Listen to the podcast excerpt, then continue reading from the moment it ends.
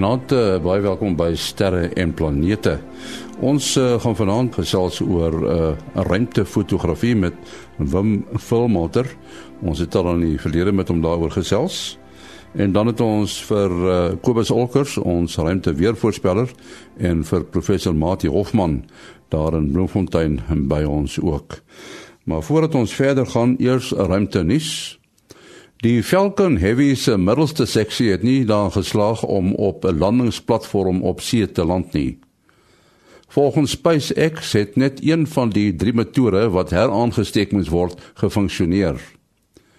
Die gedeelte het die seeplatform gemis en teen sowat 450 km/h 100 meter van die platform af in die see gestort. Dit was 'n relatief klein probleempie in 'n andersins suksesvolle vlug. Volgens SpaceX funksioneer die boonste stadium uitstekend. Tuig sal deur gebiede geneem word waar intense bestraling voorkom, die sogenaamde Van Allen gordels. As alles volgens plan verloop en die tuig ongeskonde deur die gordels beweeg, sal die boonste stadium se motore weer aangesteek word om die tuig verder met die Tesla voertuig wat aan boord is op sy pad na die diepruimte te neem. Die twee afsonderlike dele van die James Webb ruimteteleskoop is nou veilig in Los Angeles nadat die sogenaamde Optical Telescope and Integrated Science Module by Northrop Grumman Aerospace Systems per spesiale vliegtuig van Houston afgekom het. Die span by Northrop sal nou begin met die finale integrasiestadiums van die wêreld se grootste ruimteteleskoop. Dit is die laaste stadium voordat die teleskoop volgende jaar na die lanseringsplatform beweeg. Tot sover dan 'n ruimtenis. U onthou nog ons uh, sterreaand by die Roosplaas van Ludwig Tassner. As jy die aand wil bywoon, dit is die 24ste Februarie wat die sterregeleentheid plaasvind. Skakel 012 544 0144. 0125440144 en maak seker dat jy plek kry. Net weer die aand, die 24ste Februarie. Die nommer weer 0125440144. Ons het uh, lanklaas gesels met uh, Wim Filmalter daar van Riversdal oor uh, fotografie en uh, sterrekunde. Uh miskien Wim baie welkom by die program. Uh net uh, heel vinnig weer uh ons praat nou nie hier van 'n kamera aan die teleskoop vasmaak nie. Jy jy gebruik 'n ander manier, nê? Nee. Ja, goeienaand en en luisteraars. Uh ons praat vanaand oor die toerusting as ons net 'n kamera gebruik om byvoorbeeld naglandskappe af te neem, dus die sterre en die Melkweg, miskien met 'n voorgrond of nie. So ons gaan kyk wat het ons daarvoor nodig om die nodige mooi foto's daarvan te neem. Ons begin met 'n stewige driepoot. Uh hy moet sommer lekker styf staan vir al as dit bietjie win, winderig is. Dan uh praat ons van 'n DSLR kamera. Ons gebruik gewoonlik 'n wye hoek lens en dit is lekker as hy afstand beheer het sodat jy nie aan hom stamp as jy hom aktiveer nie. Die stellings op die kamera wat ons gebruik, ons sit gewoonlik die vibrasieverminderingsfunksie af want hy kan op sy eie die kamera laat vibreer. Alle verstellings stel ons met die hand. Met ander woorde, ons sit hom op die manual funksie. Ons gaan ook met die hand fokus. Die kameras het gewoonlik almal 'n uh, programmetjie in wat die geraas of die grein op die foto verminder. Die een wat ons doen vir die lang beligting skakel ons aan en die geraasverminderingsfunksie vir hoë ISO skakel ons op normaal. Dan kyk ons na die lensopening. Daar gebruik ons die grootste moontlike opening. Met ander woorde, dis die laagste f-waarde op 'n verstelbare lens. Of as jy gelukkig is, dan sit jy met 'n lens met 'n vaste f-waarde van 1.8 of 2.8 wat baie ideaal is vir nagfotografie. Die ISO waarde gaan ons redelik hoog opstoot na omtrent 6400 uh want as dit nou die die funksie aan wat daai geraas bietjie verminder. Ons skakel die kamera sodat ons die beeld wat jy vorm agter op die kamera kan sien. Met ander woorde, ons gebruik die live view funksie. En dan as ons begin fokus met die kamera. En as jy nou 'n zoom lens op het, 'n veranderlike lengte van die lens, dan zoom jy hom eers nader, jy zoom in. Jy kyk na die helderste ster wat in die lug is. Dan gaan jy na jou zoom funksie agter op die kamera. Dis die uh, knoppie waarmee jy gewoonlik 'n foto vergroot. Dan zoom jy in op daai helder ster en dan draai jy die fokusring voor op die kamera met die hand totdat daai helder ster die kleinste vertoon. Dan weet jy is goed gefokus op daai oneindigheid. Dan uh, skakel jy weer die uh, elektroniese zoom wat jy laaste gebruik het uit na normaal en jy zoom jou lens weer oop na 'n wye hoek. Vir die tyd wat ons die fotos neem, gebruik ons maar weer die 500 reël.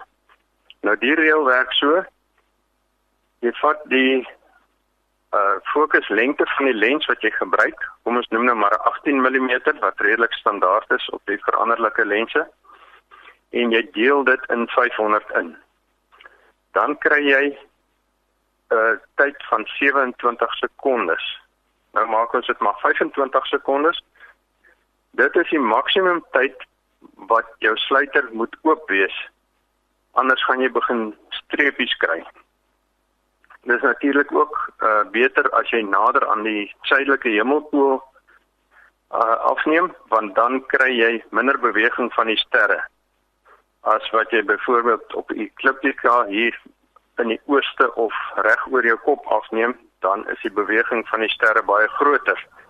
So dan kan jy eintlik jou sluiterspoed nog 'n bietjie korter maak, sê so na 20 sekondes.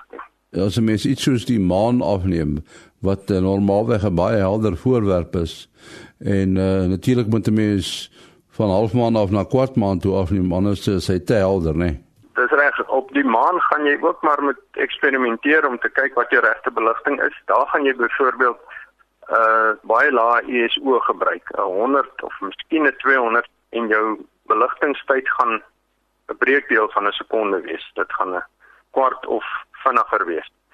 So en daar gaan 'n ou maar kyk na die die reaksie of die, die resultaat wat jy kry en daarvolgens kan jy maar nog jou tyd verminder of vermeerder tot jy 'n foto kry wat vir jou reg belig is. Een van die uitdagings natuurlik met die maan is die kontras, né? Ja, dit is nogal moeilik om dit te kry. Nou as mens so 'n sekelmaandjie het, is dit ook weer uh, lekker om mee rond te speel. Jy kan of konsentreer om daai dun sekeltjie met sy kraters se detail in te kry of jy kan hom oorbelig dan gaan daai sekeltjie vir jou baie helder wees, maar dan vang mens gewoonlik die res van die maan wat eintlik in sy eie skaduwee sit. Uh as 'n lekker aardskyn wat dan weer die donker deel se detail vir jou wys. Dan het daar ouens wat dit reg kry om byvoorbeeld die internasionale ruimtestasie af te neem uh, as hy 'n roete hier oor Suid-Afrika volg. Is dit moeilik? Daar is programme wat vir ou die posisie presies aanwys en die tyd. Dit gaan natuurlik uh, nodig wees dat jy jou plek waarvandaan jy neem te uh, koördinate invoer en dan kan jy daar volgens 'n presiese tyd sien. Uh wat 'n mens gewoonlik moet doen is om maar 'n video te neem want jy gaan hom nie vang voor die maan nie. Jy neem maar 'n video en dan moet jy maar die rampies afsonderlik bekyk want dit is gewoonlik binne 'n sekonde of 2 is hy voor die maan verby en dan dan jy hom gemis. Maar mense sien baie keer dat 'n uh, uh, ou met 'n lang beligting so 'n streep afneem uh, wat dan nou die ruimtestasie sou wees en dan aanvaar mense dat hy 'n uh, 'n uh, uh, lang sluiterspoed gehad het. Dis reg. die as jy hom afneem dat hy die streep maak, dan gebruik jy gewoonlik ook maar uh beligtings hier in die omgewing van 20 na 30 sekondes om hom so duidelik uit te bring. Dan trek hy vir jou die lekker lang streep. Ja, ek sien ook baie satellietstrepe van ander satelliete. As jy so afneem, daar is gewoonlik ergens 'n satelliet in die prentjie as as jy so lang beligting foto neem. Dit hang net af van die tyd van die nag want uh die satelliete moet in die oorblywende sonlig wees wat om die aarde skyn of wat verby die aarde skyn. En hier naby middernag dan is die satelliete eintlik vol in die aarde se skaduwee. Jy kan ook soms sien terwyl jy 'n satelliet afneem of selfs die ruimtestasie dat hy skielik begin dowwer word soos wat hy in die aarde se skaduwee begin inbeweeg en dan verdwyn hy sommer. So jou manier van afneem is dan eintlik om 'n landskap af te neem plus die sterre daarbo. Dis reg. Uh mens kan 'n keuse maak, jy kan of 'n uh, donker silhouet as 'n voorgrond gebruik met die melkweg of watter uh beeld jy ook nou al in die, in die hemel wil afneem uh vir 'n agtergrond of vir die eintlike fokuspunt of jy kan wag tot jy 'n effense maanlig het wat die voorgrond vir jou verlig dan kan jy die die dubbel landskap kry met met detail in die voorgrond. Die enigste probleem daarmee is as jy in 'n area is waar dit bietjie mistig is of waar die humiditeit hoog is, dan verlig die maan die die lug tussen jou en die donker hemel en jy kry so uitgewaste melkerige beeld. Jy kan natuurlik ook jou voorgrond verlig met 'n met 'n flits of met voertuig se ligte of wat jy ook al tot jou beskikking het daar. Daar is nou van die ouens wat met teleskope afneem, uh, mense moet nou die volg elektronika op teleskope, dan maak hy sy sy kamera vas op die teleskoop. Dis reg. As jy jou kamera op die montering vassit, dan het jy natuurlik onbeperkte tyd om die foto te neem want jy volg eintlik die die sterre en hy bly 'n spikkeltjie. Hy gaan nie jou 'n streep trek nie. Die enigste probleem daarmee is as jy dan uh, 'n maanlandskap byvoorbeeld in die in die voorgrond het, dan gaan die kamera draai teen opsigte van die voorgrond en hy gaan die die voorgrond dof maak asof daar beweging was. So net uh, heel vinnig weer uh, jy jy sê die die soort lens wat mense gebruik is maar die standaard lens wat op meeste kameras kom. Ja, dis uh, kry baie goeie resultate met die standaard lense uh jy het die voordeel dat dat jy die fokuslengte kan stel op hom, maar gewoonlik die omdat daai 500 reël geld, kry jy ou dat jy langer beligtings kan doen en met ander woorde meer van die dowwe sterre kan inkry as jy die wydste moontlike lens gebruik. Want dan gebruik jy 'n 18 of of selfs 'n visoog soos 'n 10 of 'n 14 en dan kan jou beligtingstye nog langer word maar die standaard lense werk ideaal. Wat is die standaard lens uh, besonderhede nou weer? Jy kry hom gewoonlik in 'n 18 tot 55 in hierdie kamera stelle. En baie keer het jy dan weer 'n tweede, meer 'n telefoto lens wat van 'n 55 tot 'n 200 gaan.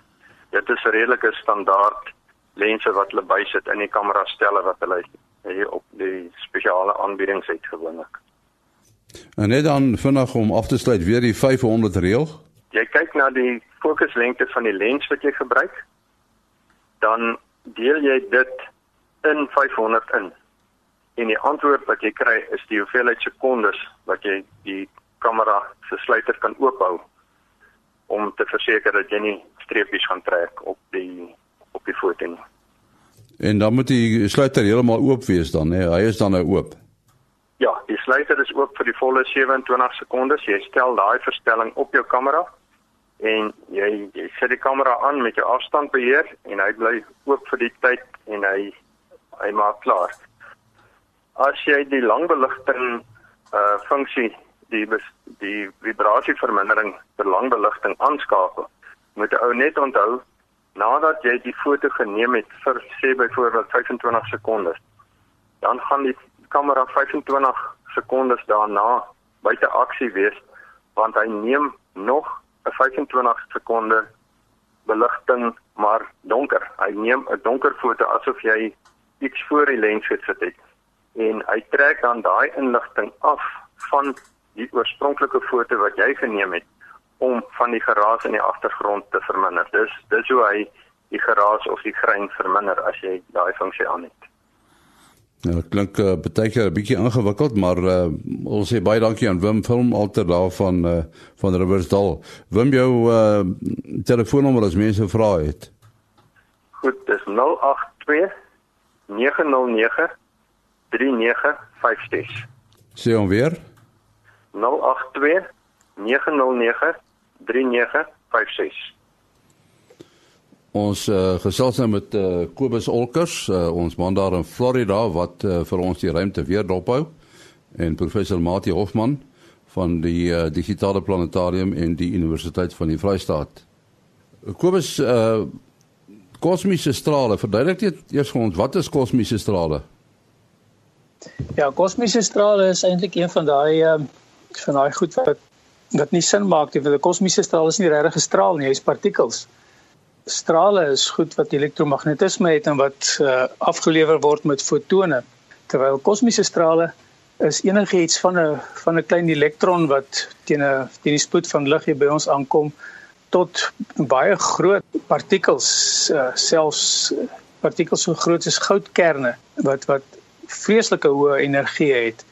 Ehm um, so dit is uh radioaktiwiteit is, is 'n ander naam daarvoor.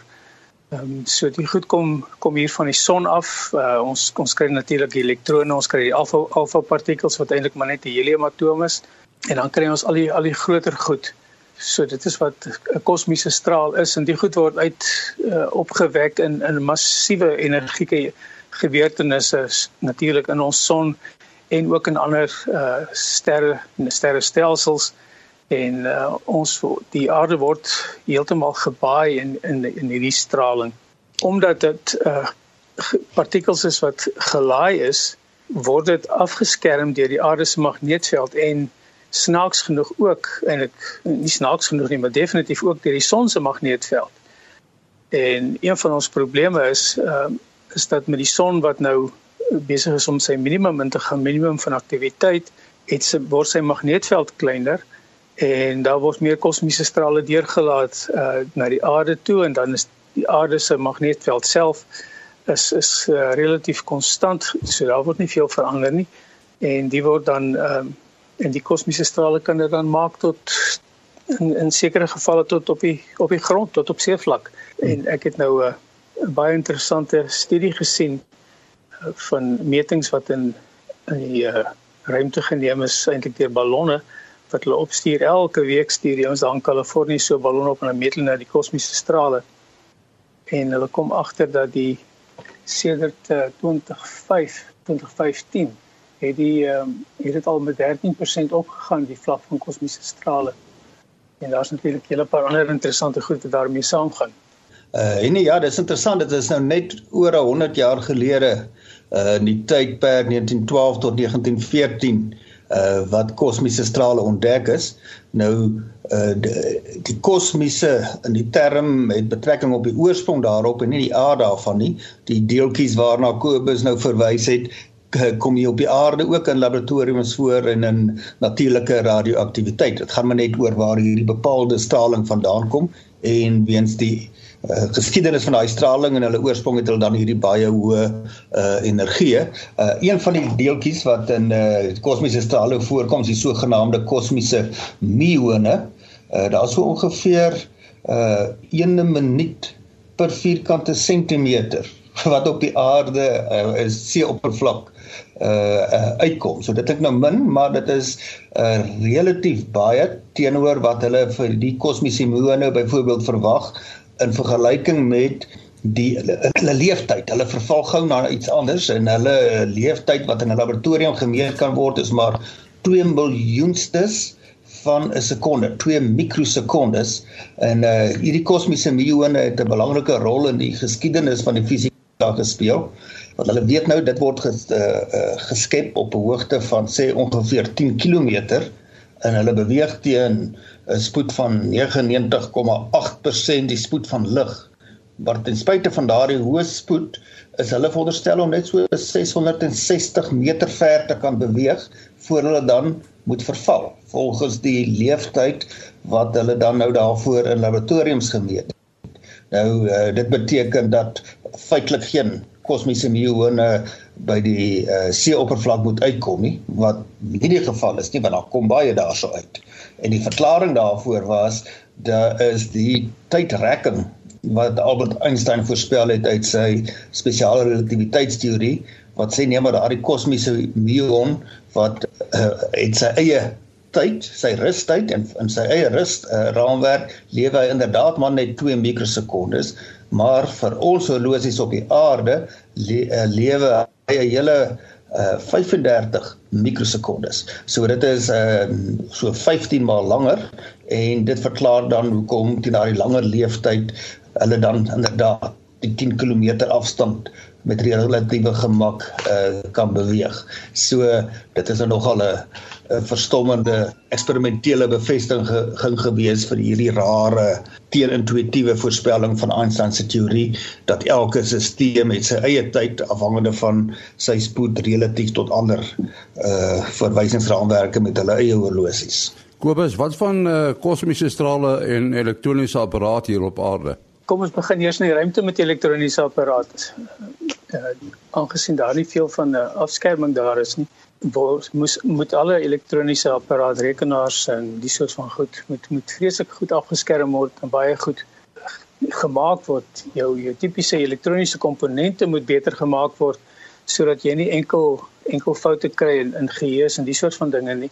Hier op aarde uh, kry ons dit nie soveel nie alhoewel ek het nou uh, baie op 'n baie interessante studie afgekom wat wat kyk na die die effek van kosmiese strale op hartpasaangewers.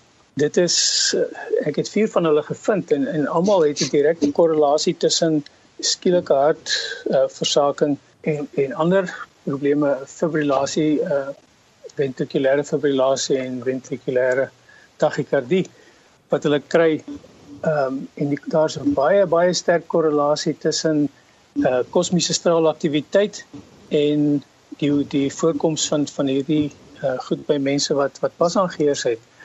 Ehm um, om die waarheid te sê daar's een studie wat wat so ver gaan as om te sê dit dit is uh, voelbaar in die algemene samelewing en die met, met al die mense het hulle 'n korrelasie gekry tussen die dinge. Nou hierdie ding is baie uh, hierdie veld is is nou pas aan die gang gesit en dit sal baie interessant wees om te sien wat later daar uitkom. Kosmiese strale het natuurlik, soos ek sê, dis 'n partikel. Hy gaan hy kom teen die spoed van lig en as ons nou net kyk hoe die goed hier by die aarde aankom, dis gewoonlik 'n partikel, 'n redelike vinnige baie energieke partikel. Dis nou uh, 'n ding soos atoomkern Ehm um, en hy tref dan nou, hy kom by die atmosfeer en hier van ergens af sê nou maar van Alpha Centauri af se koers en uh hy tref nou die atome in ons atmosfeer. En in hierdie in hierdie botsing breek hy nou nog van hierdie vreeslike intense goed af van die van die van die kerns van van die die lug, die atmosfeer af. Op hulle beurt breek nog 'n klomp af en hulle noem dit op die einde van die dag 'n cosmic spray in Engels waar jy so hele kettingreaksie het wat so afgaan. Die hoogste energie is hier by 67 km hoog en dan kom dit nou verder en verder af tot by die aarde. En elkeen van hierdie goed is 'n partikel wat deur 'n ding kan gaan.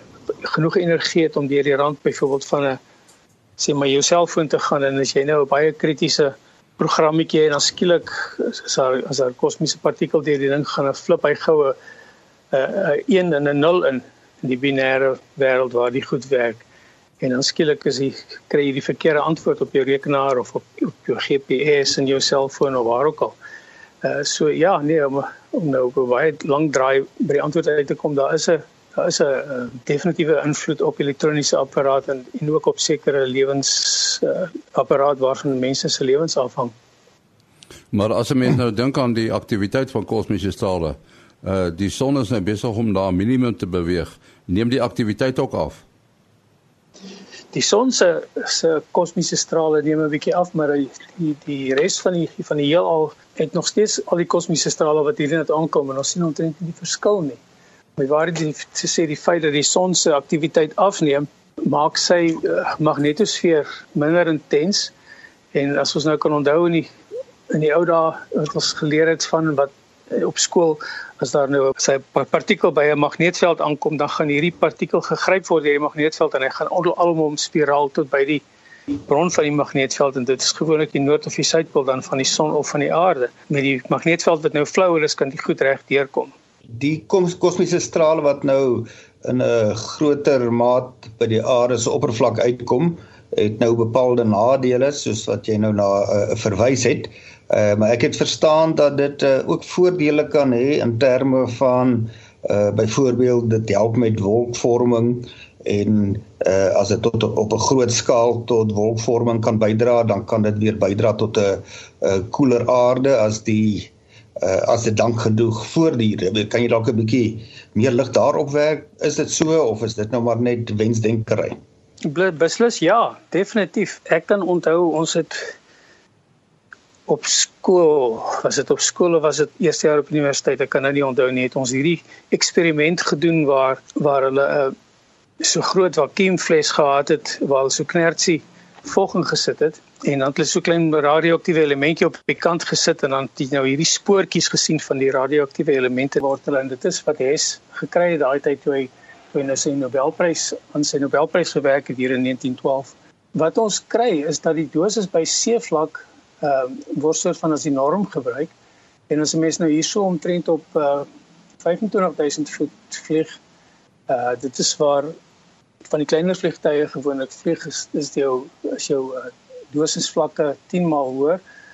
Maar by 40000 voet en dit is waar nou die groot langafstand internasionale uh reis mee plaasvind, is dit 50 keer hoër as by seevlak.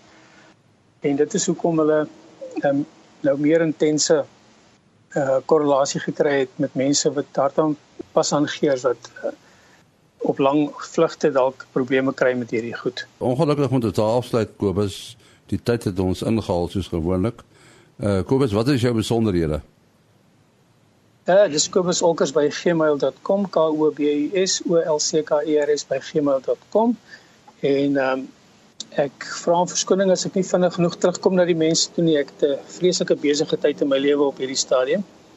Maar ek belowe ek sal nog terugkom na julle toe. Daar sê Kobus Mati. Uh selfoonnommer 0836257154. 0836257154. Net voor ons afsluit, ons het ook 'n sterre kykgeleentheid tydens die Woordfees En die geleentheid vind plaas by Knorhoek op die 4de Maart as deel van die Woordfees. As jy die geleentheid wil bywoon, dan kan jy bespreek deur CompuTicket. Onthou die datum by Knorhoek, die 4de Maart. Ek en uh, Willie Koort sal jy baie graag daar wil ontmoet. daarmee ook die einde van sterre en planete. Tot volgende week, alles van die beste.